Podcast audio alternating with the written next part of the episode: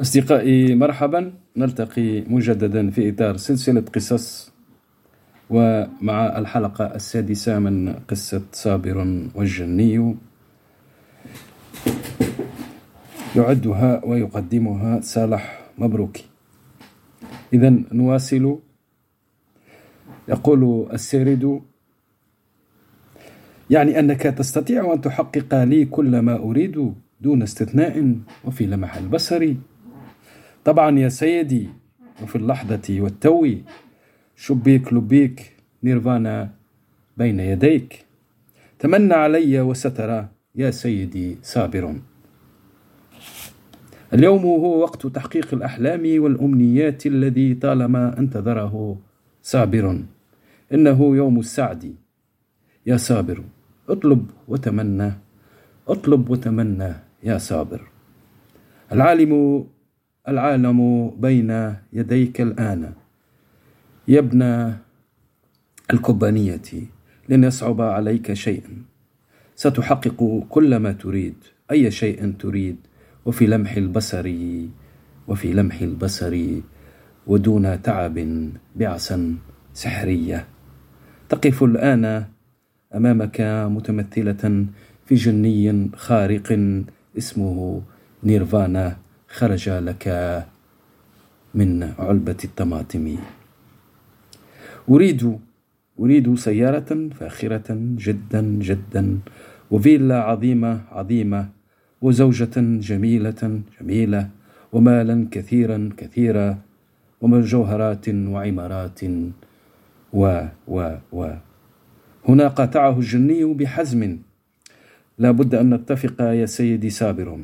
ليس لك الحق إلا في ست أمنيات تطلبها مجتمعة حتى أحققها لك.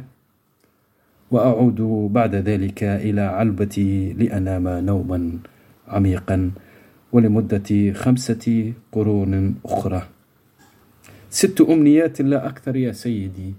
ست أمنيات لا أكثر.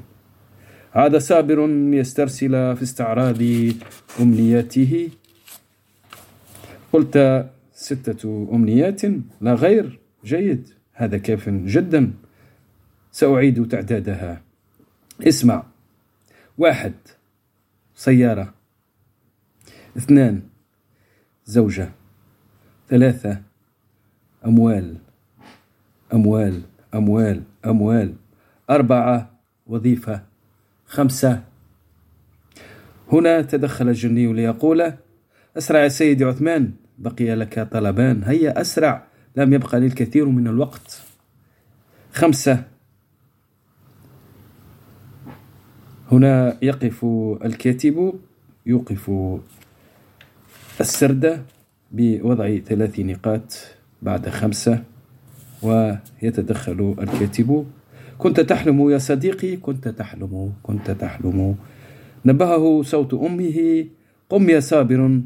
فيق يا وليدي إنك تتكلم وأنت نائم. أبوك لم يجد مالا عند خالك ولو دينارا واحد. فيق يا وليدي فيق. تمت. هكذا أصدقائي انتهت قصة صابر والجني بهذه النهاية التي أرادها الكاتب على هذه الشاكلة.